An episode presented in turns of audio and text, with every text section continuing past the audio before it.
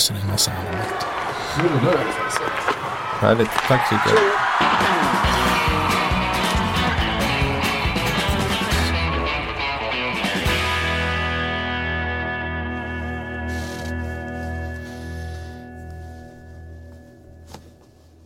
Vi kan ta det sen. Ja, Äntligen! Det är måndag i eh, Schibsteds poddfabrik och idag har vi ett helt unikt avsnitt vill jag påstå. Vi ska ta det på allvar, det som ni tycker är extremt viktigt, det vi tycker är extremt viktigt, det är fansens roll i Hockeysverige. Därför har vi bjudit in Mr Dalastark, Emil Nilsén. Välkommen! tack så mycket Thomas. Du har ju, har ju lite tjatat vara med här. Du har varit på med att ja, men ta in mig så blir det rock'n'roll. Nu, nu, då ska ni få veta allt om supporter Sverige och vi kommer göra ett grymt poddavsnitt. Hur tänkte du där? Ja, tjata var väl att ta i, eh, men vi har haft våra diskussioner genom åren. Ja. Och eh, berätta lite, lite bakgrund. Vem är du eh, och, och vad står du för? Och vad tycker du är viktigt i Hockeysverige? Oj, vilken fråga. Vem är jag? Eh, uppväxt eh, i Leksands isstadion.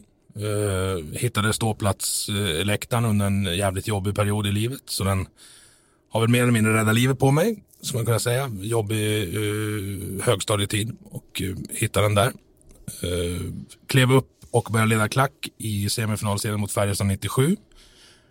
Och klev av då 2012, 2011. Så Häftigt. 14 säsonger med ryggen mot isen. Sen vart det lite hockeybloggande på Dalarnas Tidningar och sen fick jag sluta med det när jag vart invald i föreningens styrelse. Och eh, där hänger jag kvar nu och försöker vara med och driva föreningsdemokratiska frågor. Så du har gått från ståplats till eh, finrummet med slips på. Ja, jag, har blivit, jag, har, jag har gått ner mig lite.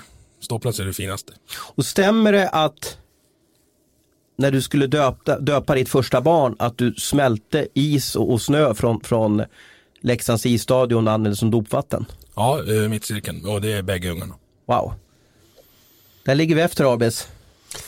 Ja, det kan vi lugnt säga att vi gör. Ja, det var en imponerande, imponerande och eh, fin historia. Vad tog du för dopvatten? Tog du från Gavleån eller tog du, tog du, eh, tog du eh, Gevalia-kaffe eller vad tog du? Du, nu ställer du mot väggen lite grann här. Det var nog prästen hade med sig det. Jag har faktiskt inte frågat var det kommer ifrån. Men det var inget, inget eget som jag hade med i alla fall till, till mina två söner. Jättekul att ni är här. Vi drar igång direkt. Vi ska återkomma till supporterfokus och kommer att utgöra stora delar av den här podden. Men det har hänt väldigt mycket senaste tiden i SHL och Hockeyallsvenskan. Och jag vill påstå att den största nyheten sedan vi satt här sist Abis, det är att Leksand har bytt tränare. Ja, det, den ligger ju högt uppe. Framförallt när har två läxingar i studion kan vi väl säga då. Så att då, då slår ju den högt. Nej, men det, det var ju tredje tränaren nu som fick, fick gå på kort tid där. Och eh, det var ju inte vem som helst som kom in heller. Ulf Samuelsson. Mm. Ja, Leksand är som Brynäs. De kör, deras framgångsrecept bygger på att eh, sparka tränare. Citationstecken runt framgångsrecept. Då. Men det, det är samma historia hela tiden där på, på de två klubbarna. De eh, kör på ett tag och sen så gör de sig av med tränaren och så får de ett lyft och sen så gör de sig av med den igen. Så att ja, Men du Emil, du supporter en scen. Hur ser du på den här säsongen? Då? Har den varit jobbig eller hur ser du på den? Ja, den har varit... eh, Alltså det är klart det är drygt att förlora massa matcher i rad. Eh, Det är aldrig roligt. Sen är vi ju inte, inte jättelångt från där vi tippade att vara heller. Alltså vi är, ju- vi är ju med och slåss runt det nedersta strecket och det var man väl kanske lite förberedd på. Sen inledde vi ju mycket bättre än vad vi var på slutet, vilket gjorde att man fick upp förhoppningarna en del om att vi kanske skulle slippa de här eh, streckstriderna, i alla fall det nedersta strecket. Men hade inte du tänkt så här, ja men i år äntligen, nu kanske det blir slutspel? Så tänker jag varje år Thomas. Ja, men så blir det inte. Leksand hittar ju på något sätt, eh, konstigt nog, ett sätt att inte liksom klara sig kvar i SHL. Ja, jag är, jag är så långt ifrån hockeyexpert så, så, så jag, jag har jättesvårt att analysera vad, vad det är som gör att vi inte har gjort mål. Vi har ju spelat bra ur, ur vissa matcher, eller ganska många matcher, men inte fått med oss några poäng. Mm. Jag vet att du, vi smsade till andra Abis, du och jag någon kvällar och sa att ja, men Leksand spelar ju riktigt bra. Men de förlorar ju, får inga poäng och så ligger de bland de, ja nu ligger de ju sist i SHL då. Kommer det bli en förändring nu med Ulf Samuelsson? Eh, ja, men det tror jag nog att det kommer att bli. Det har ju visat sig, inte minst i de här klubbarna som ofta gör att de får ju oftast ett, ett kort lyft när, när, när det händer. Leksand har ju fått kanske det tydligaste exemplet på, det har ju varit smått hysteriskt där med, med både Perra Jonsson och Roger Melin och eh, även Leif Karlsson. Han kom in där. Så att, eh, jag tror att det kommer att bli en, en förändring. Eh, på, på lång sikt så är jag ju mera tveksam eh, till den här strategin som, som vissa klubbar använder. Men jag tror att de kommer. Sen, sen är är det tufft. Man har ju rätt många poäng upp till Linköping som också går ganska bra där. Så att jag eh, tror kanske att man tar sig förbi Oskarshamn men inte längre. Vi bevakade ju SHL när Uffe, Tuff Uffe Robocop var förra gången i SHL. Då var han ju Modo. Vad står han för som, som hockeytränare? Ja, men alltså om man tittar på den modotiden, det börjar bli några år sedan nu, men det, det, var, ju, det var ju väldigt mycket NHL-influerat på den tiden. Man Marcus Näslund som sportchef, Peter Forsberg var med i kulisserna och för Samuel som kom in som tränare. Och det var ju väldigt mycket diskussioner om att det var en hel del management by fair där uppe. Då, att det var ganska tufft och, och, och sådär. Att det var, man körde lite den stilen. Så att eh, rent hockeymässigt så tror jag att, eh, att det kommer att handla mycket om st större krav, eh, en annan tydlighet. Kanske man får in Per-Erik Eklund nu, kanske lite mer detaljer och så också i spelet. Men eh, jag är lite osäker på faktiskt vad, jag ska inte sitta här och säga att jag vet hur Uffe Samuelsson kommer att spela med den här Leksand. Utan det ska bli intressant att se. Jag ska upp dit imorgon så vi får väl en första fingervisning då. Men jag tror inte att han kommer att uppfinna hjulet igen utan SHL är ju en speciell taktisk liga och jag tror att det är svårt att revolutionera på något sätt utan han kommer nog att, att spinna vidare på, på mycket av Thomas Johanssons idéer men försöka förfina och sen blir det ju alltid en, alltså spelare skärper sig alltid när det kommer in en ny tränare och det är väl den effekten i första hand tror jag man hoppas på. Vad känner du Emil för en vecka sedan när pressmeddelandet kom från Rickard Brasar. Du kanske hade inside och fick veta det innan men kände du ja eller vad tråkigt, jaha here we go igen eller vad, vad, vad hade du för känslor inombords? Det var, det kom nej lite inside har jag så det kom inte som någon, någon komplett eh, överraskning. Vad ska man känna? Först, framförallt så känner jag med Roger, alltså vilken fantastisk människa. Och även det avskedet han, han gjorde när han gått runt i arenan och, och liksom tagit hand och kramat folk och, och sagt hej då. Och den sändningen de hade i Lift, även han och Tjomme liksom går igenom. Det, det, så här är läget. Jag, jag har kört fast. Ja, jag vet hur Melin har hyllats för det där. Jag kan ju tycka lite grann att för mig kändes det ju bara en människa som inte ville vara där. Han var ju bara lättad att få komma därifrån. Och jag vet inte om, om det är riktigt. Fast han är ju känslosam som person. Jo, jo ju... men jag vet inte, jag skulle nästan hellre vilja ha en tränare som är riktigt jävla förbannad, förbannad som går därifrån på något sätt. Nu skulle de kanske ha gjort den här grejen tidigare. Men, men för mig var det väl jag tror att han känner lättnad för sig själv på något sätt. Jag har inte upplevt att han har velat vara kvar där heller de senaste veckorna eller senaste månaden där. Och det, det tycker inte jag sänder någon bra signal. Sen är det lätt att sitta, sitta här också och, och, tycka saker. Det är inte så att det regnar lediga kvalitetstränare i februari. De som, inte, de som finns på marknaden är oftast kanske inte, inte de man vill ha för att vända ett sånt här läge. Att få tag på Uffe då i det här läget är ju, ja, det är, det är top of the line om man kan få tag på nu. Ja, han har ju Leksands hjärta, ska väl bo hemma hos eh, svärmor där uppe på, på Kärringberget. Så att eh, eh, spännande lösning. Det var ju sånt där, man, jag blir lite trött på när, som, som man, när man gör som Brynäs när man tar in ASS-coachen där och lyfter upp och sådär. För det blir som samma sak. Här hittar man ju på lite nytt i alla fall och sen Per-Erik fick komma in där. Jag är lite förvånad att Jensa får lämna. Vad kände du där? Man behåller Gunnar då, alltså Brynäs-Gunnar, Rögle-Gunnar och så liksom Jensa liksom nummer 13, bort med honom. Ja, nu sitter jag så, så långt ifrån sporten så att jag, jag har liksom ingen insight på vad som, vad som har gjorts där. Utan det är, det är Tjomme och Andreas som har, har bestämt det här. Och jag backar upp dem fullständigt. De har järnkoll på vad som behöver göras nu. Mm. Vad, vad, ja, du som har lite mer insider uppe då. Kommer det ske något mer? Kan det någon spelare på gång in? Det kan jag ju naturligtvis inte sitta och prata om här. Det vet du om. Det är därför du flinar när du ställer frågan. Ja, vi får se. Lita på Tjomme. Som jag hört det så finns det ju pengar kvar i Leksand. Man har haft de här enrotpengarna från de här äh, fem, sex lokala storföretagarna. Och de ligger där en pott och, och, och, väntar på att dunka in då på någon, på någon. Jag kan gissa på att de, de letar efter en, äh, en målskytt. Det gör ju alla lag i februari.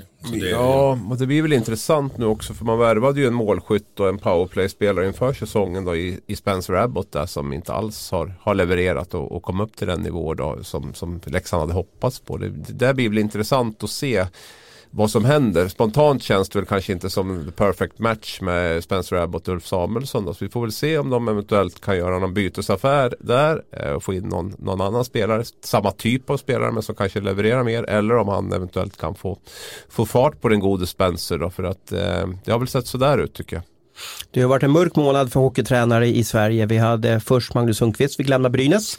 Sen hade vi Håkan Åhlund fick lämna Oskarshamn och nu Roger Melin i eh, Leksand. Vem tror du blir nummer fyra som får lämna? Kasta in hatten. Oj, frågar du mig? Mm. Ingen aning. Ja men ta något, något lag som du inte gillar så här, som, som, du vill ha kaos i då. De har redan bytt tränare, så det, det är lugnt. Okej. Var det Brynäs du tänker på då eller? Ja, och de andra vid sjön. Okej. Vi, eh, Men vad, du tror inte att Linköping, Bert, kan han ligga pyrt till? Nej, det skulle, det skulle jag bli förvånad över. Det känns som Pajen har investerat ganska mycket förtroende. i Treårskontrakt också där. Ja.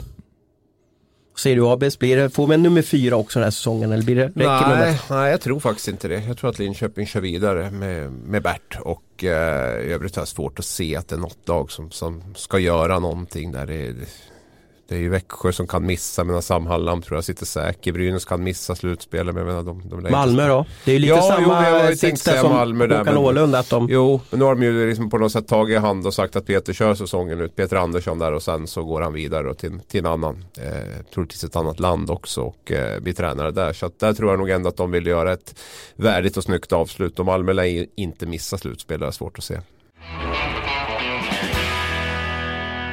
Det här är en väldigt speciell vecka i eh, Hockeysverige. Det är eh, trading deadline kommer upp på, på lördag den 15 februari. Förut var det alltid sista januari och nu är det 15 februari som är sista dagen som man kan förändra sin spelartrupp, sin roster i SHL och Hockeyallsvenskan och även i, i Hockeyettan. Och det här var i alla fall förr vår stora högsäsong, Abris.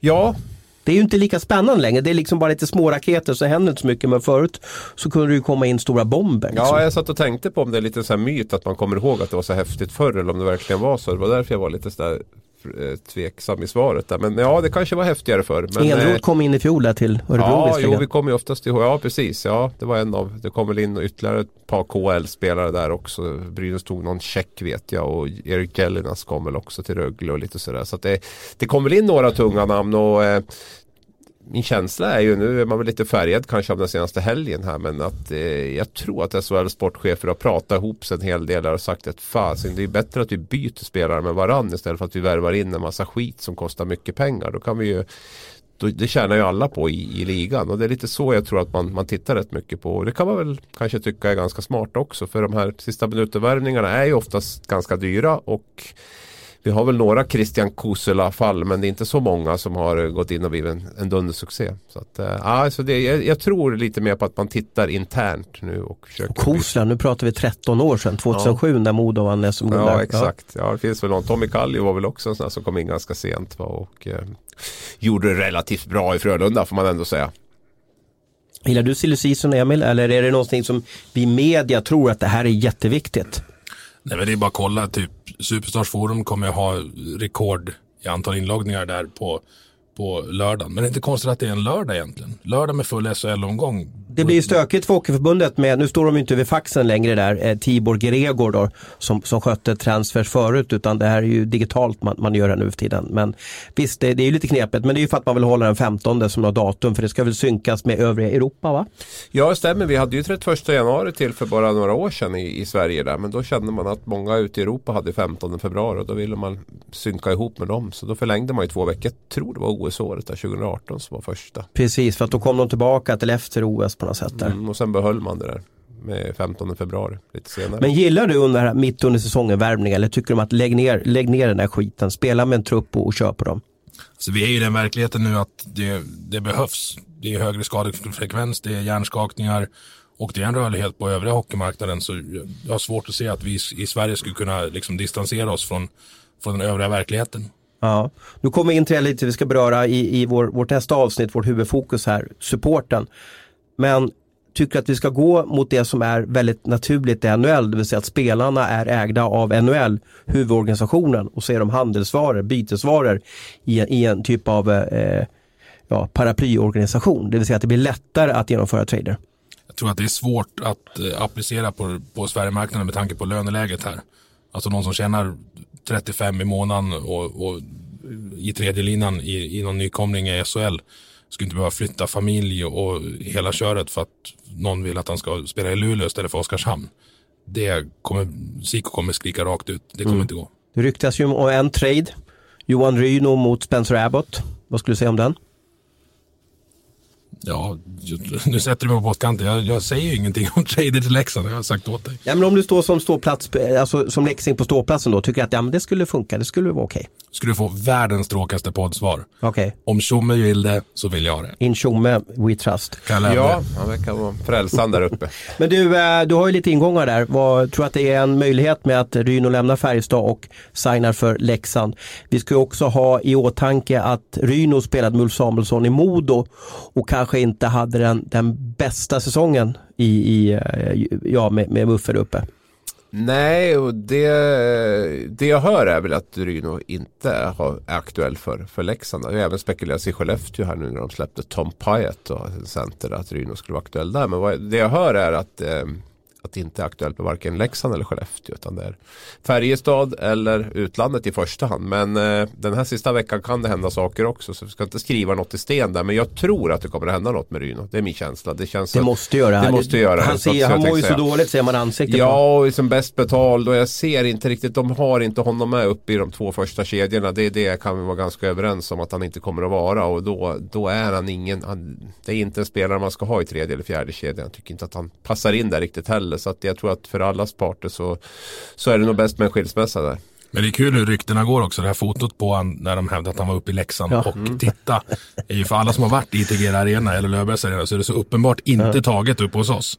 Men lik förbannat så är det ett bevis på att ja, men han var här i, i lördags. Men kommer du inte ihåg, du såg inte folk cellerna på Lundells bokhandel för en 15 år Nej, sedan? han satt på Hotell Gustav Vasa med P.A. Ejendahl och åt uh, falukorv och stuvade makaroner. Var det så det var ja, folk tog Just, de visste exakt vad de hade käkat också. Jajamän. Och jag frågade faktiskt Ejendal om det där och då sa han att det var under den tiden de, de höll på att göra stora affärer med någon finsk leverantör. Eh, jag Ja, tror de, jag- köpte, de köpte ju alla sen. Ja, det är de. precis, precis. Så det var ju förmodligen någon, någon finländare som liknade Temo där som satt och käkade. Vad, vad käkade han sa du? Eh, Falukorv och stuvade makaroner. Ja, det var nära att de skickade upp mig där kommer jag ihåg. Det var på Globen-tiden. där, kommer Vi, jag vi Jag fick ju tips in att cellen Ja. är liksom. Ja, så ringde det upp så fick, så fick Lillis kampa med teleobjektivet på parkeringen utanför arenan. Ja, jag vet inte hur det var riktigt det där. Men, men det, var, det gick en jäkla eh, vind i alla fall. Och det där med Ryno-bilden också, tror jag messade dig också. Nu har de sett Ryno i, i Leksand där. Ja, du gjorde det.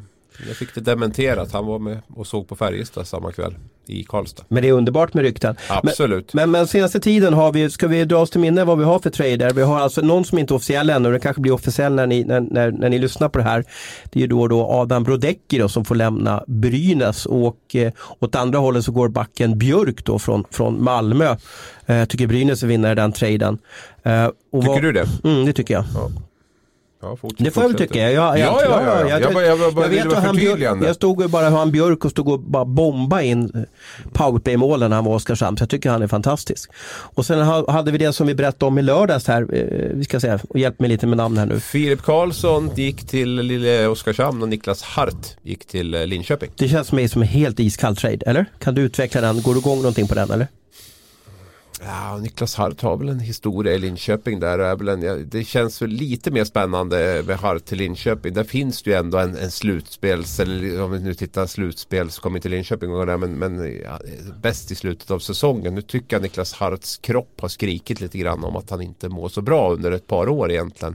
Eh, men får se, men kan han hitta tillbaka lite grann till, till den spelare han var i Malmö för två, tre år sedan där så kan ju Linköping ha fått in en, en, en viktig spelare nu inför slutspurten här. De behöver få in lite mera power också tycker jag i, i laget där. Det har varit lite mjukt och lite snällt och lite sådär tycker jag i framförallt i slutet på matchen. Och Sundlöv har, har, startade ju även med en trade där för några veckor sedan. Eh, ska se, Persson i, var det Saipa? Ja, Jan Persson i Saipa Ja. och skickade Emil Forslund. Just det, och det är också favorit med Emil Forslund. Alltså, det är som en liten Oskar Lang kan jag tycka bara, som är hur bra som helst att föra in pucken i offensiv zon. Då. Men det, det funkade inte i, i, i Gävle där. Emil Forslund är ju helt underbar. Han, var ju, han gick i hockeygym upp hos oss.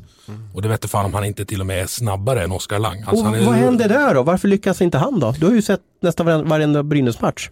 Ja, det är ju lite det där att man måste ha kontroll på pucken också som kan vara lite eh, problem för honom. Kan man inte tejpa fast pucken på Alltså klubban? han, ja, och, och kanske lite, lite, lite effektivare när man får de här lägena. För han, han, han blåser ju förbi en back eh, på ett sätt som inte ens Oskar Lang gör. Men, men sen är det ju som att det, det saknas lite grann det där, det där andra. Det som jag varit inne på, hockey är ganska komplext. Det är ju inte som att springa 100 meter, att du måste bara vara snabb. Utan du måste ju också kunna hantera klubba, puck och eh, vara lite kylig när, när när du får lägen och sådär. Där har väl inte Emil eh, ly- lyckats riktigt. Sen blev det ju en väldigt stor skillnad för honom när Magnus Sundqvist försvann och Ove Molin kom in. För Emil var ju Sundqvist kille lite grann som han tog med sig från Tingsryd. Tingsryd, och eh, precis, vart ja. helt iskall när tränarbytet kom. Så det är ju svårt också att leverera när, när man inte får spela överhuvudtaget. Och han var en hygglig fansfavorit faktiskt i- Ja. i Gävle där. Och de tyckte om honom, tyckte att han skulle spela högre upp i kedjorna redan under Sundqvists tid. Men, men eh, ja, så det, det handlar lite om vem som tränar dig också. Det jag försöker komma till är att är det här, kommer det här bli ett mer eh, eh någonting som vi ser mer frekvent att, att de byter spel med varandra? Ja men jag tror det. Just som jag var inne på att jag tror att de har sett, ser en ekonomisk vinning i det där. Att istället för att lägga ut en eller kanske två miljoner på, på att värva en kille från finska ligan så, så titta bara lite grann. Vi har ganska många spelare här som inte riktigt spelar så mycket som de borde göra och kanske kan få ut mer potential. Och byter med, med varandra så är det ju ett nollsummespel egentligen där, där, de, eh, där det inte kostar någonting. Om du får välja en drömspelare som du fick plocka till Leksand här innan, innan lördag. Vem skulle du plocka in då från någon annan SHL-klubb? Jocke Lindström, Jocke Lindström. rakt av. Ja, var, då, ingen byte alltså utan bara in med honom alltså då. Ja, Mm, han står och matar där och försöker trycka upp, eh, han trycker alltid krysset, alltså skotten. Alltså, han är helt otrolig. ja men hela, matchen. hela hans attityd också. Det Lite är vinnarskalle där, ja. En sån grinig jävel. Alltså jag älskar Vem var det att han se det. sopade ner i Leksand där här för några veckor Ja, sedan? det har jag ingen minne av.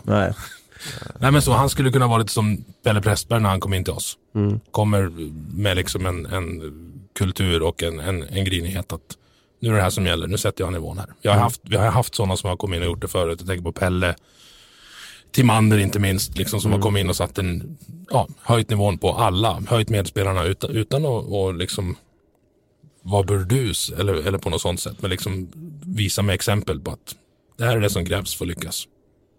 Joakim Lindström till Leksand. Tänk dig den löpsedeln. det var- Finns Ja, något för kort? ett par De, år så, de såg han där i ja. Gjorde de det, eller? Falukorv och Ja.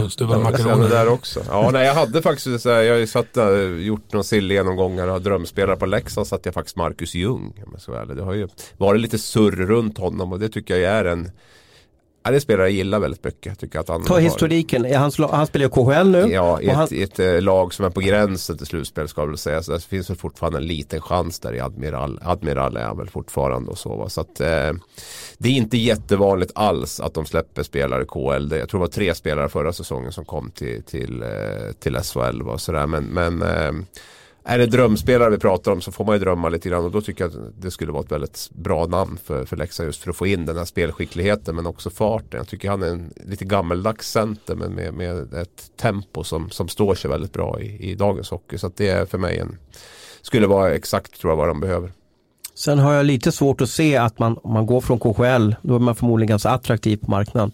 Varför ska man då signa med ett lag som riskerar att åka ur? Ja, och där har du en jättebra poäng. Varför ska han signa något överhuvudtaget? För? Jag menar, det, är, det är ju stor risk att han kan bli skadad eller han kan liksom, att det kan gå sämre än det han har gjort. Han har ju säkert spelat så pass bra, eller har gjort det, så att han har säkert ett KL-kontrakt eh, i fickan. Det som kan vara det, det är om man är sugen att komma hem, har små barn och sådär. Leksand kanske säger att kom hem, spela den här säsongen och så får du tre år till med oss. Eh, då kan det väl vara ett alternativ. Men bara åka hem och spela två månader nu i SHL och sen eh, ja, sikta på att få ett KL-kontrakt eller till och med ett NHL-kontrakt. Det, det känns ju direkt dumt att göra. Men, eh, För Ljung var bra namn, har du något mer sådär? vi- du kan släppa? till Leksand eller? Nej, re- rent generellt. Nej men Robert Rosén är ju också en sån spelare. som Han kommer ju gå på. till Växjö då. Jo, absolut. Men nu var det ju rent generellt, Mm. inte Leksand. Det är ju lite samma typ just för att jag normalt sett skulle han inte komma hem. Men om han kan tänka att Växjö erbjuder tre år till då så kan de ju kanske baka in den här sista en eller två månaderna i, i det kontraktet. Han är född 87 va? Född 87. är 33 Robert. år, ja. Mm. precis. Så att den är ju inte, inte supergammal. Jag tror inte han har fyllt 33 än heller. Så att det, det är ju en sån spelare som, som finns där borta. Ehm, ja, Det är väl något åt det hållet Malte. Strömvall, hur går det för Ja men det är också som, vi tar Malte Strömvall, men vad, vad har han att tjäna på? Han kanske siktar på VM-spel här framöver. Han kanske har ett NHL-kontrakt klart till, till nästa säsong. Det, det känns som att det finns inte mycket att vinna på det där. Det vore ju en toppspelare för Färjestad till exempel att få in då som har Micke Lindqvist borta för resten av säsongen. Så kan ju Malte Strömvall vara en, en drömspelare där. Men jag har lite svårt att se vad han eh, har att tjäna på att komma hit. Sen kostar det ju mycket pengar, det ska vi ha klart för oss också. De har väl säkert en, ett par månadslöner kvar som de ska få ut där borta i KL och de måste de ju kompenseras för också då från, från det här. Så att vi pratar kanske de här, kanske inte de här 4,8 som Tjomme skulle betala för Ryan Spooner. Då. Kan den siffran stämma Ja, verkligen? det kan det väl säkert göra. Det känner jag. 4,8 Ja, är miljoner ju för, för, eh, för, för 12 eller 14 matcher. Ja men har säkert en, ett utköp från, från, från Minsk där. De vill säkert men Minsk är pengar ju för de här klubbarna som betalar minst för sina spelare. Jo, jo, men KL, är vi pratar fortfarande KL-lönerna. Han ligger ju Mm. säkert på en 10, 10 miljoner minst liksom på, en, på en säsong där. Och då har du kanske 2-2,5 miljoner kvar som ska, som ska betalas ut i lön. Eh, plus att de vill ha ett, ett utköp också för att släppa honom. För de har ju fortfarande matcher kvar att spela. De har ju ett förtroende mot, mot supportrar och, och fans och Lukasjenko och allt vad det är för någonting där. Så att jag, eh, nej, jag tror att det, det är ganska stora pengar det handlar om från KL. Det jag hörde om Finland var att ungefär runt en miljon kostar nu eh, dels 500 000 i utköp och 500 000 i, i, eh, i lön. Då. Om man tittar på sådana spelare som Kangasniemi till exempel som man Mm köpte från, Modo köpte från Helsingfors. Så det är ungefär där någonstans. Körde en miljon för en eh, ligaspelare och kanske uppåt en 4-5 miljoner för en KL-spelare om inte vi hittar en. TPS Åbo då som ligger pissigt till i, i Finland. Jag hörde att de inte skulle släppa spelare på grund av att de, ja, mot fans och sponsorer och så vidare. Att de tyckte att det var, vi, vi är TPS Åbo vi ska inte hålla på med sånt här. Nej, finska klubbarna har väl haft någon sån här gentleman agreement lite grann där att man ska inte släppa poängspelare, liksom någon av de här två första femmorna egentligen. Utan ska man släppa någonting så är det längre ner i hierarkin och då är det till andra finska klubbar ungefär. Men nu släppte ju Sport var det va som släppte sin bästa poängplockare i De Sousa. Får du rätta med uttalet här till Rögle. Så att där gick man ju emot lite grann det man kom överens om där i Finland. Så att kontentan av det är väl att det mesta går att, att rucka på om pengarna är de rätta. Hur följer du silly då Emil då? Vad har du för, förutom eh, sportbladet.se?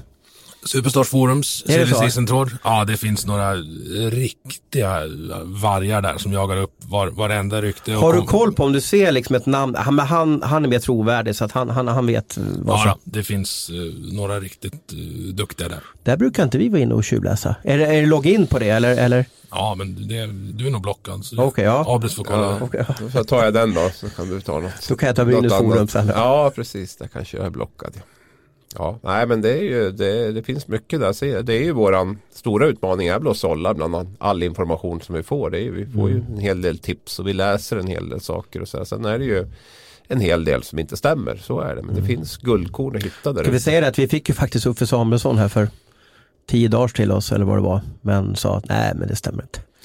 Nej, och så så. är det så här små grejer. För det är, så här lätt, det är sånt här lätt namn och bara Dra fram ja, dra fram drömnamn ja. Ja. Ja, så, att, eh, så där gör man ju också den avvägningen. Är det bara något som, liksom det snacket som går på, på, på eh, byn eller, eller finns det någon sanning i det? Hur tänker ni där då? Alltså er situation. Eh, Roger Melin är ju lite lättare att intervjua än Ulf Samuelsson. Ja, men man kan ju inte mer ställa frågor på något sätt. va. Och vill han eh, nu inte, jag, jag minns ju i hans modotid där att det var väl kanske inte det, det allra enklaste. Men man får väl försöka göra sitt jobb och ställa eh, alltså, vad heter det, relevanta frågor. Och eh, sen får han väl hantera det lite som, som man gör då. Det, det kan man, inte, man, kan inte, man kan inte påverka så mycket hur den andra parten agerar där. Men det kommer nog definitivt att, att ställa frågor ändå. Jag har inte, jag har inte träffat han sedan lockouten och det var ju jättelänge sedan. Men, Menar du 0405 eller 1213? Ja 0405 menar jag. Nej, Eller tid- 94, 95 kanske? 94 Okej. när, han var där. Men alltså, jag älskar ju när folk vågar vara sig själv. Mm. Alltså det, det är så, så tillrättalagt i, i många intervjuer och många, alltså framförallt pausintervjuerna på Simor så sägs det ju ingenting från, från spelarna. Och att då det kommer in någon som, som, som så tydligt visar vad han tycker och tänker, det tycker jag är uppfriskande. Mm. Jag eh, var ju nere i Tjeckien och träffade Jaromir Jagr så då frågade jag lite om Uffe och han berättade att han var två olika personer. Och då drog faktiskt Uffe ett sms till mig efter det och, och menar på att men du, Jagger ska inte säga så jäkla mycket. När han kom till Pittsburgh då var han inte så jäkla kaxig i alla fall. Så att han ska inte ha så mycket åsikter. Så att, eh, ja, han har varit med om mycket och det, det är en eh, profil. Vi har ju även den här sekvensen i Simon när han sliter av sig headsetet och tycker att nu är intervjun slut. Då. Så att, eh, det kan nog bli lite mer rock'n'roll. Ja, nu stod ju Roger Melin för mycket rock'n'roll vid pianot i alla fall. Men jag tror i intervjuerna så kan det nog hända både ena och andra uppe i Tegera Arena. Jag satt och kollade igenom när, när han var klar där. Alltså de, de få klippen som finns från den tiden på YouTube. Alltså han hade inte överlevt länge i dagens hockey eller? Alltså snacka om att spela brutalt. Ja, han gjorde ju vad som helst för att se till att det inte skulle bli ett baklängesmål. Ja men verkligen och det, jag, jag tycker om sådana där spelare ja.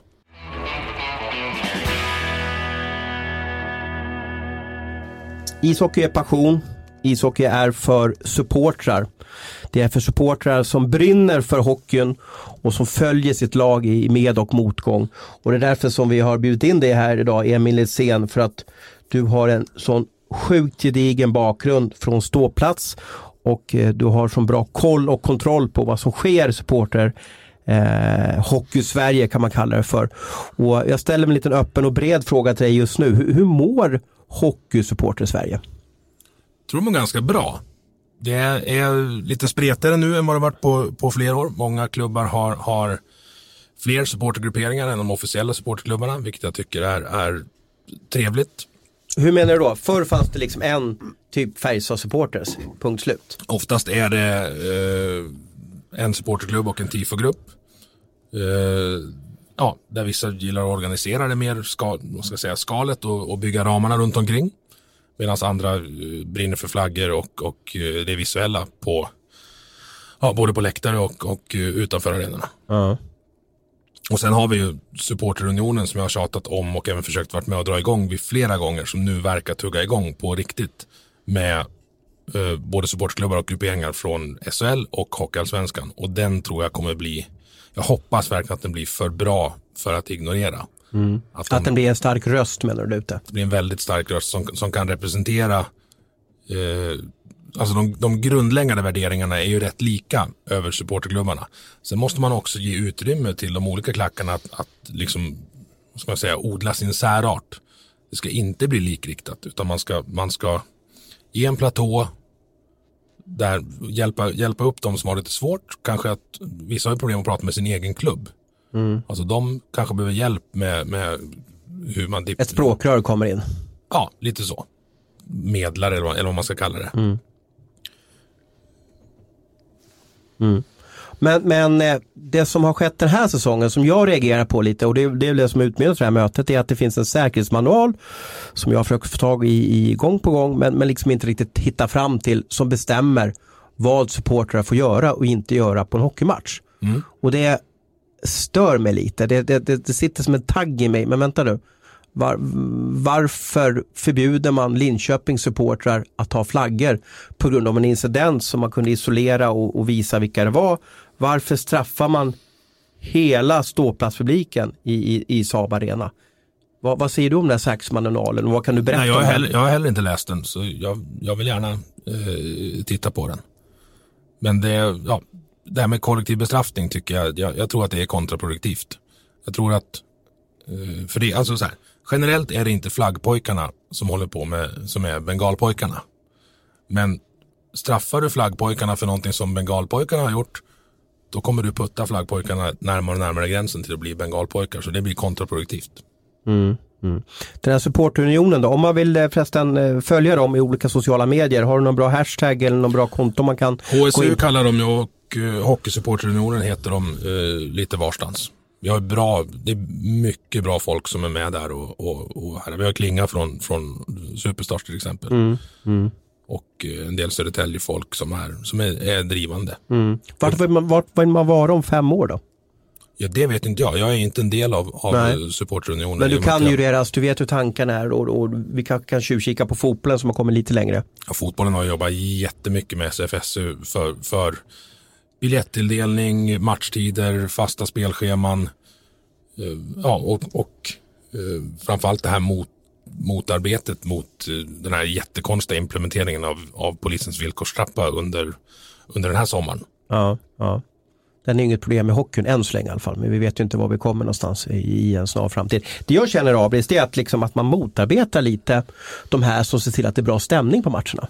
Eller är jag fel ute? Jag liksom, har jag ramlat i någon, någon fel fack alltså det, jag, är inte, jag är ju en bit ifrån ståplats och supporterkulturen. Det ska jag ju villigt erkänna. Men det jag har känt de senaste två säsongerna är väl egentligen att det har blivit en så här snudd på nitisk eh, kontroll och det finns ett förebyggande arbete som jag kanske inte riktigt tycker motsvarar den hotbild som är under, under eh, under hockeymatcher där, där det är rigorösa säkerhetsbestämmelser och det är visitation när man ska in i arenan och det är liksom flaggförbud och det är kollektiv bestraffning. Någonting har ju hänt tycker jag de senaste, ja kanske den här säsongen och förra. Att det, det har blivit en eh, proportioner som jag inte tycker riktigt motsvarar den eh, risken som jag tror många känner när man går på, på en hockeymatch. Ja.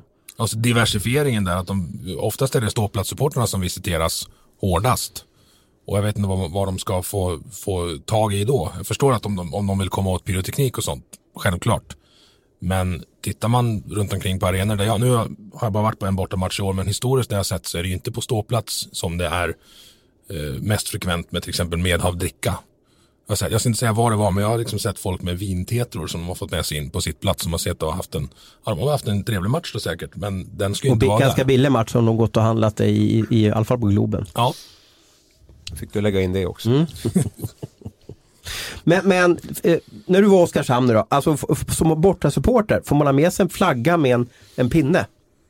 Nej, du, alltså det, du får ha ett rör. En, en fast träpinne, det, det är ju nej, nej. Det är ett verktyg alltså då? Eller alltså kan, som ett vapen alltså då nästan? Ja, det är ju ganska ont att få en, ett Jo, jag vet, men, men, men tanken men... är ju att du ska skapa stämning med den så att säga. Ja, nej, men det, det kan jag köpa. Alltså det finns ju en del vettiga säkerhetskrav. Sen finns det en del som är, är konstiga, alltså vilken, vilken slags tejp du får ha. Och, ja. Vadå tejp? Ja, men det var, det var någon gång när vi var i Gävle så fick vi inte ha silvertejp på, på, på flaggorna. För det kunde man riva loss och göra en boll av och kasta i huvudet på någon. Utan det var tvungen att vara genomskinlig tejp på. Alltså, och det, då bara, men vad, vad är det här? Och där fick man inte heller ha flaggpinnar som var längre än och det var en och en halv meter. Aha. Och Ska du slå någon med någonting så vill du inte ha något som är längre än en och en halv meter och försöka nita någon med en sex meter flaggpinne är ju jättesvårt. Det blir inte så mycket effekt här längst Nej, det ska vara någon slags Ivanhoe-stormning då. Det är inte så, så effektivt. Nej, det känns ju inte som att supportrar är så himla mycket för att slå varandra längre. Jag, jag återupprepar det. Att när, jag, när jag började gå på hockey, när jag började gå på hockey på 80-talet var det rått på riktigt. Alltså på ståplatsläktaren. Då var det regelrätta slagsmål där det liksom var stora grupper som slogs mot varandra. Det, det upplever jag inte alls att det är nu. Jag vet när Stockholmslagen var uppe i Gävle eller när de var i, i, i, i Södertälje så var det ganska, ganska ja, tufft. Tuffa tag. Um, så jag vet inte, vad känner du också att som är lite närmare här att det har blivit en annan vad ska jag säga då? Det, regelsystemet har, har skruvats åt rejält de senaste åren. Nej men jag tror att, att det, är ju, det är mycket lugnare på läktaren. När jag började åka på, på bortamatcher i slutet av 90-talet då var det, då fick man akta sig liksom. Jag har, har fått ett, ett sånt här bergsprängarbatteri med två 3 spikar genomkastat mot mig en gång. Det ser man ju inte nu liksom. Det, det kommer ju inte in, in, in på arenan. Men vad beror det... de här hårda säkerhetskraven på? Är det något som man, är det bara förebyggande eller behövs det verkligen det här eh, som jag upplever i alla fall väldigt... Eh, Ty jag tycker att det är lite myspys på arenorna, men fyll i du. Ja men så är det. Det är, alltså, så här, det är myspys på fotbollsarenorna också. Alltså risken att som, som vad ska jag säga, vanlig Svensson-åskådare bli utsatt för våld på idrott är minimal. Den är försvinnande liten. Mm. Så det, ja, men då är alltså kan man säga att den här säkerhetsmanualen kanske inte rimmar riktigt med verkligheten? Ja, jag vet ju inte, jag bor i verkligheten och har inte läst säkerhetsmarginalen. Nej. Sen är det säkert många som ifrågasätter om jag verkligen bor i verkligheten. Ja. Men utifrån det du ser och hör då liksom? Ja, om det skulle vara farligt då, nej men. Ja men du löste det som hände i Karlskrona i, igår där Modo inte fick ha med sig någon, någon typ av eh, tifolakan, visst var det så va? På att de inte hade sökt något eh, tillstånd från brandskyddsmyndigheten eller något sånt där bisarrt. Ja, det är jättekonstigt. Eh, för generellt så tillverkas ju overheadflaggor av lakansväv från Ikea för 19 kronor metern. Mm. Den är ju... Say hello to a new era of mental health care.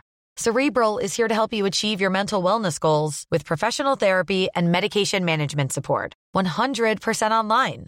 You'll experience the all new Cerebral way, an innovative approach to mental wellness designed around you. You'll get a personalized treatment plan from a therapist, prescriber, or both in a safe and judgment free space. Your cerebral therapist or prescriber will outline a customized plan with clear milestones along the way so you can get to feeling your best. With Cerebral, you're not alone in your mental health journey. We're here to empower you to live a fulfilling life. So take that first step towards a brighter future and sign up today at cerebral.com slash podcast and use code ACasts to get 15% off your first month. Offer only valid on monthly plans. Other exclusions may apply. Offer ends July 31st, 2024. See site for details.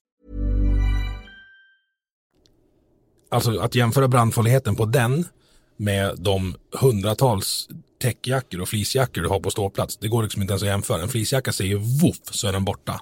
Om, det blir, eld- om, det är, om det är brandskydd man pratar om. Medan att få eld på ett bomullslakan, då får du verkligen jobba. Men hur kan man då förbjuda det här eh, fantastiskt fina tifos som Modo-supportrar gjorde? Hur kan man göra det? Jag vet inte. Obegripligt. Men jag, jag tänker supporterklubbarna måste väl ändå få se säkerhetsmanualen. Annars är det ju svårt att, att, att, att veta vad man har att förhålla sig till. Eller är det bara att man får chansa med att gå dit och, och se vad man blir insläppt med? Eller hur funkar det? Det, det beror ju på. Det, det är en av de sakerna som, som jag tycker att man ska, ska bli bättre på. Att man har en ty, ett tydligt centralt regelverk för vad som är tillåtet och inte tillåtet. Jag har varit med, vi skulle på bortamatch i Södertälje en gång och då förbjöd de allting. Alltså, vi ringde upp och ville fråga, fråga så här, vad, vad är tillåtet tifomässigt på er, på er läktare? Ja, nej men det här, det här och det här är inte tillåtet. Nej men så, vad får vi ta med oss då? Ja men du får skicka ner ett mejl. Skicka ner ett mejl, ja, men vi, vi skulle vilja göra det här. Nej, det är förbjudet. Ja, ja men då vill vi, då vill vi, då kör vi konfettiregn. Så nej, konfetti är förbjudet. Ja, okej då, då skiter vi i allting och så tar vi med oss massa ballonger. Nej, ballonger det betraktar vi som konfetti. Så då förbjöd de allting vart efter att vi kom med förslag. Det slutade med att vi smugglade in 1800 kvitterullar i alla fall och körde vårt originaltifo. Vilket ju höll på att sluta med att man fick åka polisbil därifrån. Men det blir ju så alltså. Förbjuder och förbjuder och förbjuder man. Då kommer du få en motreaktion. Det är bättre att ha en dialog innan. Och det är en av de grejerna som jag tror att, att uh, Hockeysupporterunionen kommer kunna få till. Och jag tycker det är så synd, så här, du, och Arbis, du och jag, vi har ju en ynnest, vi får resa runt i Hockeysverige och kolla på matcher. Och det som är en stor skillnad, det är att det är inte så stora bortaklackar längre på, på, på matcherna. Vi har Modo och Timrå, fantastisk uppslutning från, från både Sundsvall och Timrå och upp till Övik. Vi har några andra matcher som det är grymma klackar. Brynäs är, är, är jättestora när, när matcherna går, Leksand och så vidare. Men förutom det så är det ganska tunt på bortastå. Och varför blir det tunt på bortastå? Jo, det är för att man får ju inte ens du ska ju stå och bli visiterad en kvart innan du får komma in på matchen. Och så får du inte ha, du har förberett dig med grabbarna och klippt konfetti och så får du inte ha med dig konfettit. Då tappar du lite effekten att åka på en bortamatch. Som jag minns när jag växte upp, det var ju bland det roligaste man kunde göra, att åka på en bortamatch. Sen tror jag biljettilldelningen är, är mycket också. Alltså det är svårt att få tag på biljetter. 150 biljetter eller vad är det som ska delas och ut? där, där är en av de punkterna som, som man skulle kunna centralt från, från både SHL och Hockeyallsvenskan bestämma att om en supporterklubb hör av sig, när, när spelschemat kommer, då ska supporterklubbarna enligt mitt, mitt förslag då, ha x antal veckor på sig att sätta sitt reseschema. Och under de veckorna, då ska man ha tillgång till 10 av, av arenakapaciteten. Det vill säga vi i Leksand får, får släppa 800 biljetter ifall någon säger att de vill komma. Och det gör vi. Det har, det har, när arenan byggdes så är den byggd så att bortastå kan utökas ut på, på kortsidan, A7 och A8. Den där sittplatsen menar du där eller? Ja, så de kan få hela, hela kortsidan. Och det var, det var ju Superstars med Tobbe Olsson i spetsen som, som uh, lobbade stenhårt för det. Och det är rätt bra för Ja, sen kan, man, sen kan man säkert argumentera, ja men vi har ingen lördag borta där och det, det blir svårt och så. Men som liga så kommer man tjäna på att hjälpa till att få stora bortaklackar. För det finns ingenting som triggar en hemmapublik så mycket som att man får lite motstånd på läktaren. Ja, några som skriker ramsor som man inte gillar och så vidare. Japp. Du, du har tagit fram fem stycken råd till, eh, är det till SHL eller är det till, eh, till eh, Råd, det är väl tankar som jag har Tankar. som, som skulle kunna, och där, vi har ju berört några. Dalastarks punkter till en bättre hockey eller en bättre hockeymiljö. Ja, det var en konstig. Men, Var kommer men- Dalastark ifrån förresten? Ja, det var en pilsner och det var en, det var en ramsa. Återigen, Tobbe Olsson skrev en ramsa till Thomas Forslund där man sjöng att Forslund är stor och stark, Forslund dricker Dala stark. Och sen skulle man ha ett, en, en hotmail då, 95, när man skaffade sin första e-postadress. Och då, Mm. då vart det det. Använder du den när du söker jobb idag eller? Nej, nej. då har jag, har jag min. Nej, det finns Ja, några hade vi berört, men då Ja. har vi några punkter kvar där så vi kan se om Nej, ni som lyssnar på det här nickar igenkännande eller om ni tycker att vad fan, nu har han, har han rökt bly nu, Dala Stark, eller vad är det som händer? A och O är regelbunden kontakt och dialog Mellan, mellan alla. Alltså både på lokal nivå, det vill säga klubbledning, säkerhetsansvarig ska veta vilka som, som är de drivande stämningsmässigt i, i respektive arena. De ska på förnamnsbasis, de ska hälsa på varandra, de ska fika och, och liksom reda ut problem, eller reda ut meningsskiljaktigheter innan de blir problem. kan ni ge något praktiskt exempel på hur, hur du tänker er?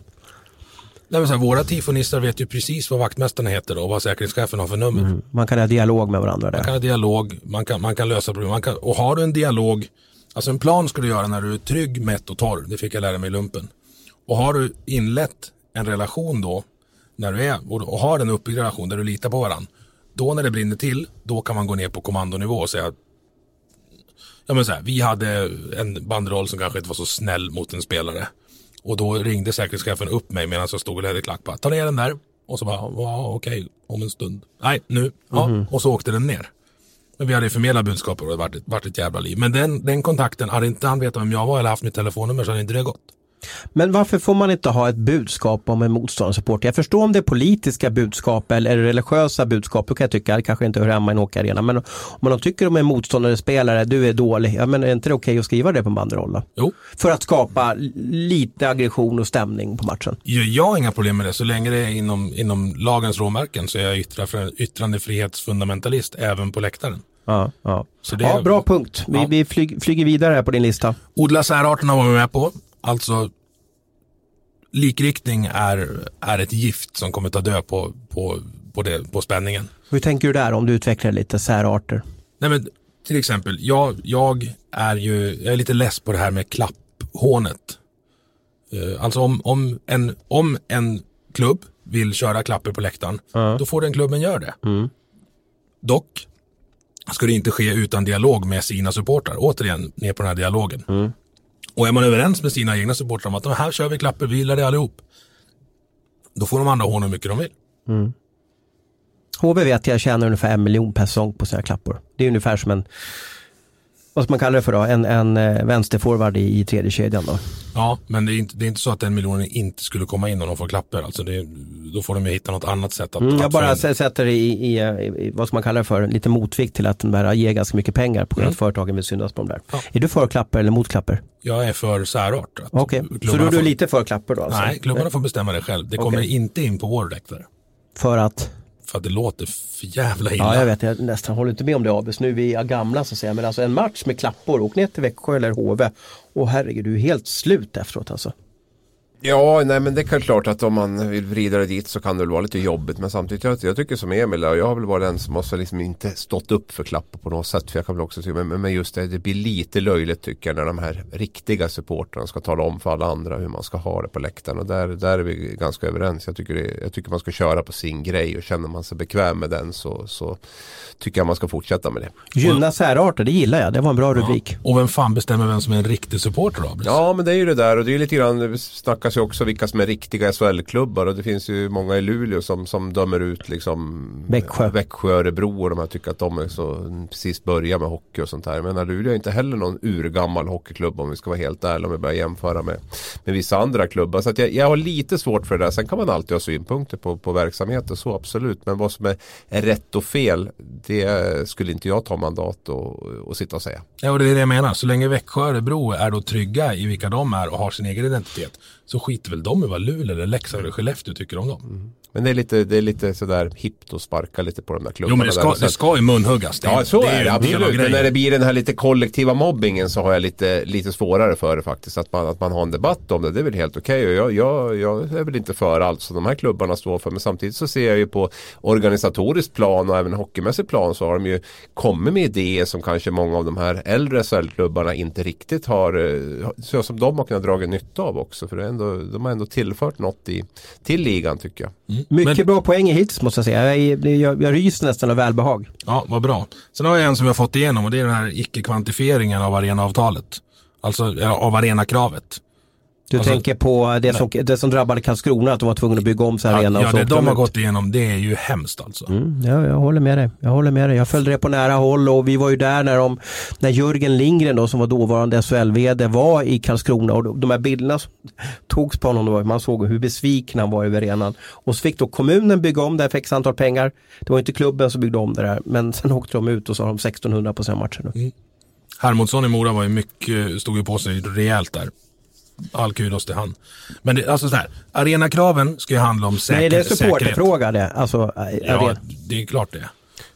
Och där, nu ska vi väl inte slå oss för bröstet sådär, men jag tror den intervjun jag gjorde med Anna Hed där i Mora, centerpartistisk kommunalråd där, eh, jag skulle vilja påstå att den faktiskt hjälpte till att eh, få Men du är en ju snabbare makthavare i svensk hockey. Ja, det är inte ofta man känner sig så, men just där så tror jag, och det tror jag inte, det handlar inte om, utan det handlar mer om de saker hon sa som satte saker i perspektiv. Att en kommun har ju betydligt viktigare saker att att ansvara för än att bygga stora ishallar som, som ett, som ett herrhockeylag i stort sett ska husera själv i. Utan det, alltså en kommun ska ju lägga ett pussel med allt från barnomsorg till sjukvård till jämställd idrott och allt. Alltså, där tycker jag man sköt ju rejält över målet eh, makthavarna i svensk ishockey där som åkte runt på någon sån här jag vet inte vad jag ska kalla det, turné där, där de eh, bara talar om att så här och så här ska det vara. Gör så eller också så, sen är ni inte välkomna till oss. Och det, det tror jag har varit en tankeställare för många. Även för Anders Larsson som är ordförande i ishockeyförbundet. Jag skulle ha påstått att det var därför det blev en förändring i SHL också. Att de bytte ut lite Ja, ledningen där. Att, självklart. Men det är ju alltså ishockeyförbundets krav. Det är ju SHLs krav. Så har det varit hela tiden. Och det är är de som har satt. Sen har, ju, sen har de ju knuffat fram Hockeyförbundet och sagt att nu får ni ta den här striden. För vi har tagit många strider genom åren. Och nu, nu är det ni som får, får stå med det här. Annars kommer vi att dra tillbaka någon av de fördelar vi har, har gett tillbaka till med förbundet med, med landslagsspelare eller vad det än kan vara. Så att det, var ju, det var ju en SHL-grej. Det är ingenting att snacka om. Utan, men men men de här, i de här rena kraven så har ju kommit nu och det är väl det som kanske stör mig mest av allting. De här äh, helt bisarra placeringarna bortastå. Vi har, jag vet inte om Timrås är det, det mest unika särfallet vi har. Där de, där de sitter alltså i ett akvarium högst uppe vid taket. Då. Kommer du ihåg när vi var och kollade på sista matchen, match 7 där, eh, Timrå-Oskarshamn? Då fick de inte lämna ståplatsburen och gå ut och fira med sina spelare. Nej, Timrå är ju ett, ett särfall och det är ju fruktansvärt. Och det är helt obegripligt. Ja, men jag ska komma in på det lite grann. Sen har vi ju en, ett, en problematik där. Där måste jag väl ändå se lite till klubbarnas sätt också. Att vi har ju väldigt många matcher där det inte kommer många borta supportrar. Om vi tittar på Skellefteås bortastå till exempel. Då har de väl kanske när, Luleå, när de möter Luleå så har de lite, lite borta supportrar. Annars är det ju tomt där jämt. Och ska de då lägga 500 av sina bästa platser på, på arenans bästa plats som står tom i stort sett hela tiden blir också konstigt tycker jag. Men det där finns det ju lösningar på. Alltså kolla, Mm. kolla hur Malmö får bygga om sin hemmastå i fotbollen till, till Uefa-match till exempel. Vilket också är löjligt. De får sätta dit stolar som ingen använder bara för att det är en all-seater-krav från, från Uefa. En sån lösning måste ju gå att bygga i Skellefteå också. Nu har ju, nu Malmö FFs eh, kassakista är ju helt enorm så att de har ju, de har ju muskler att, att förändra och göra så att det passar sin förening ganska Men bra. varför är Malmö FFs kassakista enorm då? För att de har gått långt i Champions League. Nu är inte jag en fotbollsexpert. Och alltså. varför har de gjort det? Eh, för att de har lyckade framgångar i den inhemska ligan. Mm. Och varför har de fått det? Därför att de har... Oh, Abris, Nej, hjälp men. Du så här- bevakar mer fotboll än jag har Kolla- gjort. kolla du bevakar in- ju Gävle IF där många år. Kolla in ceremonin med Marcus Rosenberg. Ja, Vad säger han när han avslutar? Tack. Fortsätt ställa krav, riktar han upp till ståplats. Det är jätteviktigt. Alltså det Malmö FF supportrar gjorde nu när de höll på att köpa sig en plats i damallsvenskan är bland det vackraste jag sett. Men då har ni varit för dåliga på det i Leksand i och med att det har varit så väldigt upp och ner i... Mycket då borde ju ni ha varit en, en, en, en maktfaktor i, i svensk hockey också. Då. Mycket möjligt att vi har ställt för lite krav.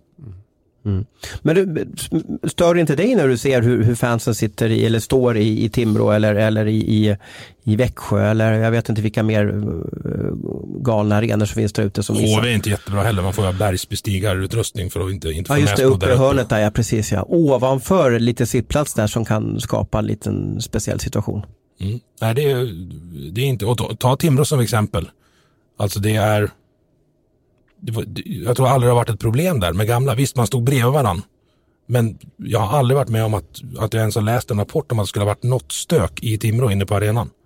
Varför bygga varför, varför lösa ett problem som inte finns? Men det var ju Men det jag ju var inne på också. säkerhetsmanualen. Jo men det var jag inne på också. Att man, man är ju väldigt mycket ute. Alltså för, före sin tid där på något sätt innan problemen kommer. Och jag vet inte om ens problemen kommer. Så därför känns det lite oproportionerligt med, med många av de här kraven som, som är. Och där är väl ja, Timråbur, jag vet inte varför den är kvar överhuvudtaget för det. Jag har inte riktigt fått ihop det där. Nej.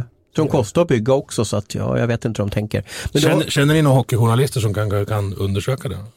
kolla i vår telefon. Jag har ju haft har. Marcus Leifby där uppe som har, Mm, som har han, fall just det, prov, provstod ju. Precis. Har du mer underbara punkter på, på din lista? Nej, men det, jag återkommer till det här med dialogen. Jag, jag tycker att SHL behöver ha någon som är ansvarig för att föra dialogen med Hockeysupporterunionen nu. Det kan vara en delad tjänst med förbundet kanske. Det, kan man kalla det för en SLO-chef då på något sätt? eller? Lite så. Och SLO är nästa grej. Det borde ingå i elitlicenskravet. Att Och vad står SLO för något om man är... Supporter Relation Officer som är då en, någonting som fotbollen har, har infört. Just Man måste väl ha det varje förening? Att, ja, just för att föra dialogen mellan klubb och, och supportrar. Och kanske vara den första som går in. Om det finns en tillstymmelse till stök så är det någon som är respekterad av både klubb och supportrar som går in och ställer sig i mitten och säger hörni, lugna ner er nu. Det finns ju sådana människor på alla ståplatser som, som för den här dialogen. Men att, Inofficiellt ja, på något sätt. precis, men att just formalisera det och att man har ett namn. Alla vet hur de ska ringa. Vi som, vi som läxingar kan ringa till, till Selo uppe i Luleå om vi, har, om vi skulle vilja göra en sak tillsammans med dem. Dörren är öppen. Men du, eh, om man lyssnar på det här programmet och vill engagera sig i de här frågorna, hur gör man då? Jag skulle kontakta Superklinga på Twitter. Det är den, den ingången jag har i, i, i Vem blev ordförande för, eh, för Hockeyunionen? Du vet inte? Nej, Man får har, följa dem på sociala medier, så att de har ett Twitterkonto i alla fall. Ja, jag har skjutit ur mig det och, och eh, håller min, försöker hålla mig till den rollen jag har nu då inom föreningen. Hur tror du det ser ut på arenorna om, om fem år då? Har, har vi, trots ståplats, kommer finnas kvar? Ja, det, det hoppas jag verkligen. Vi går inte mot en mer tv-sport där, där det är viktigt med de här 18 graderna i kameravinkel och så vidare. Och, och där, där man, inte vet jag, om man inte nu gillar tifos eller, eller konfettiregn och så vidare. Som jag är uppväxt med, att det kanske är viktigt att det är en bra tv-produkt. Tv-tillgängligheten är ju någonting som vi får leva med. Det är både fördelar och nackdelar. Det den gör i min värld, det är att den ställer ett krav på samtliga evenemangsansvariga på arenorna att se till att det är sån slags, att, alltså en sån upplevelse att vara på arenan.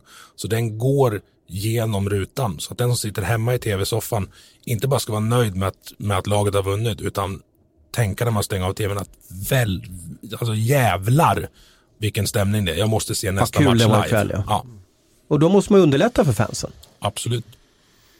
Hur upplever du det? Upplever du att Hockeyallsvenskan och SHL då att man, att man är mån av att ha en levande supportkultur? Ja, som sagt, jag, jag sitter ju varken med i Superstars eller LTC nu, så jag har, jag har inte den, den dagliga kontakten. Men jag tror ju garanterat att det skulle kunna, kunna bli bättre. Jag brukar, brukar säga det att SIF har ingen, ingen supporteransvarig, SHL har ingen Svenska supporteransvarig. ishockeyförbundet menar jag. Ja, Crowns hade en supporteransvarig. Just det, de skulle diskutera vad det skulle vara för eh, material i stolarna på, på supporterbussen som skulle åka på bortamatcherna. Ja, de var nere på väldigt detaljer Ja. Leif R och Sevs. Vi har mycket att lära av Crowns. Nej, kanske inte, men det, det kan vi ta lärdom av i alla fall.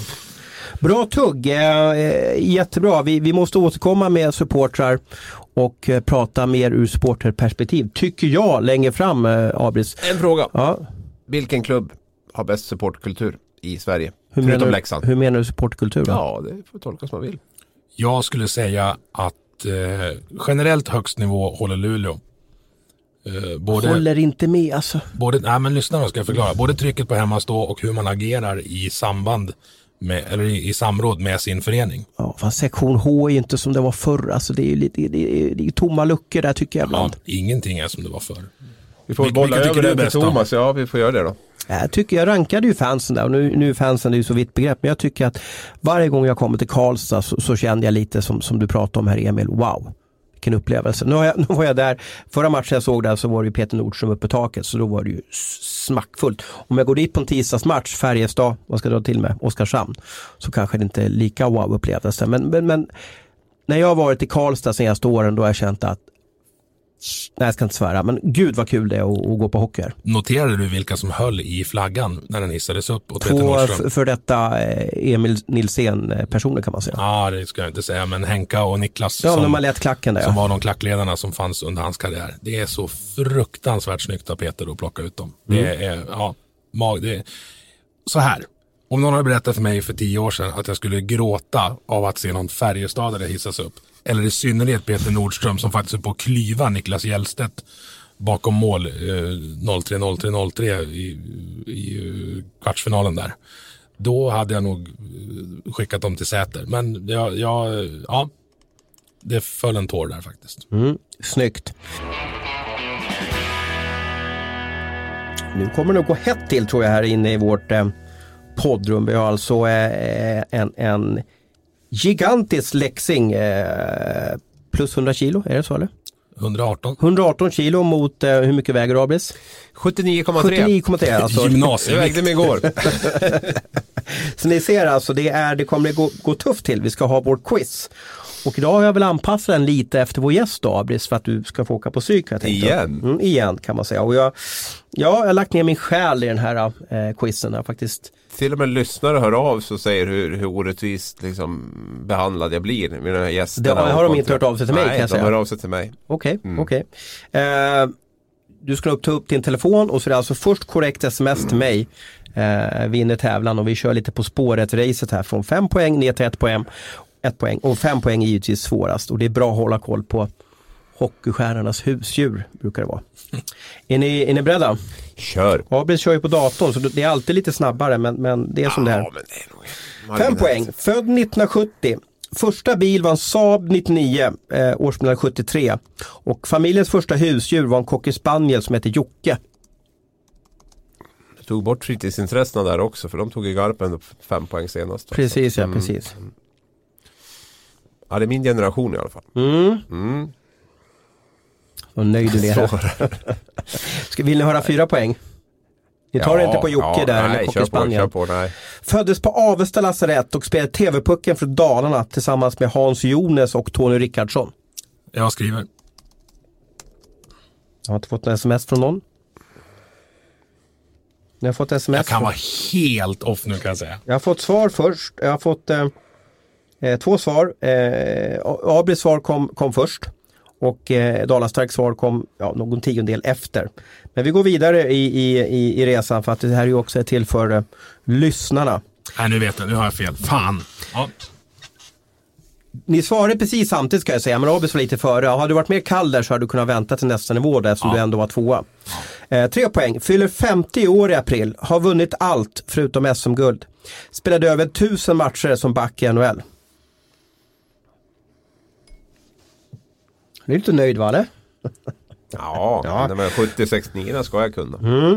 Eh, två poäng, kallas för The Perfect Human. Lyckas med bedriften att eh, sluta på topp vill jag påstå och gjorde hela 1142 poäng. 1142 poäng för Detroit. Är, du miss- är du lite besviken nu Ja, eller? jättebesviken. Jag ska, ju- jag ska, Med jag tanke på morgondagen här. jag ska ja. intervjua han imorgon. Det, mm. Ett poäng. Denna Niklas kallas Lidas och har vunnit Norris Trophy sju gånger. Vad är rätt svar Abris? Niklas Lidström. Och vad svarar du Emil? Jag trodde att du hade smugit in Uffe Samuelsson där. Han är född i Fagersta va eller? Ja, men jag vet inte om de har ett las- lasarett där. Det var det jag tänkte. Vad tog du på då? Hans Jones eller? Ja, Avesta. Avesta? Ja, Avesta född 70. Då tänkte och jag och det Rickardsson där eller? Tony Rickardsson, ja men han är ju Avesta-pöjk. Så det var, väl en, det var väl det första som dök upp. Så jag tänkte jag chansar väl på det då. Och jag försökte ju vrida det mot dig här Emil, för jag visste ju om när jag läste att du skulle vara konferencier imorgon på, på, i Falun och, och intervjua eh, denna gigant i svensk hockey. Men, men du kanske inte har börjat med researchen ännu? När de, nej, det blir på tåget hem. När de frågade om jag skulle intervjua så var det någon hockeykille sa de. Jaha, de hade inte så bra koll eller? Nej. Ja, precis. Och jag blir inte starstruck av hockeyspelare, men det här är ju liksom, det här är inte en hockeyspelare, det här är en hockeygud. Alltså det är det bästa vi har haft på griller. Han är en perfektionist. Du får ju ta upp det där med, med Jocke och Cockerspanien för att göra. Och sen hade de hade ett häftigt tepåslag där med Rickardsson och, och äldsta Jonas-brodern där tror jag väl är. Och sen eh, jag tror Anders Orjes var med också i det här laget och Jocke Backlund från Säter och sådär. Det är väl din generation där jag sitter och babblar om. eller? Ja, jag är på en Backlund var född 69 men det kanske inte han Ja, 71 tror jag han var, Jocke 71, Backlund. Ja, där. du ser det till och med. Ja. Ja, de hade bra några årgångar där. 68 var bra också. Med Sen blir det ju orättvist när du är med här vecka ut och vecka in. Du blir ju lite kall och du blir lite mer så att säga lite lugn så att säga. Det är svårt när man hoppar in som gäst och bara ska gå upp mot, mot våran quizgud här. Jag tar han nästa gång jag får mig. Jag har ju åkt stryk på stryk tre gånger i rad tror Är jag. det så? Eller Garpen jag tror torskar det. emot, ja men då vred jag väldigt mycket mot honom. Ja, Håkan Andersson också. Då var det Tolsa. Jag var Gerhard Torsa, ja. Ja. precis. precis. Att, Jag eh, kunde ju inte ta Leksing, det hade blivit för lätt. Men du måste ju fråga Lidas om varför han valde Västerås då, när han var Ja, det född i är Dalarna. ju helt obegripligt. Ja men bra tugg, känner ni er nöjda eller, eller vill ni gå vidare? Har ni något som ni måste säga till våra lyssnare? Eller ska vi avrunda efter cirka 60 minuter eh, skönt ljud? Ja, men jag känner att Du jag känner dig fått med nöjd? det Du känner, ja. ja. Ja, ja.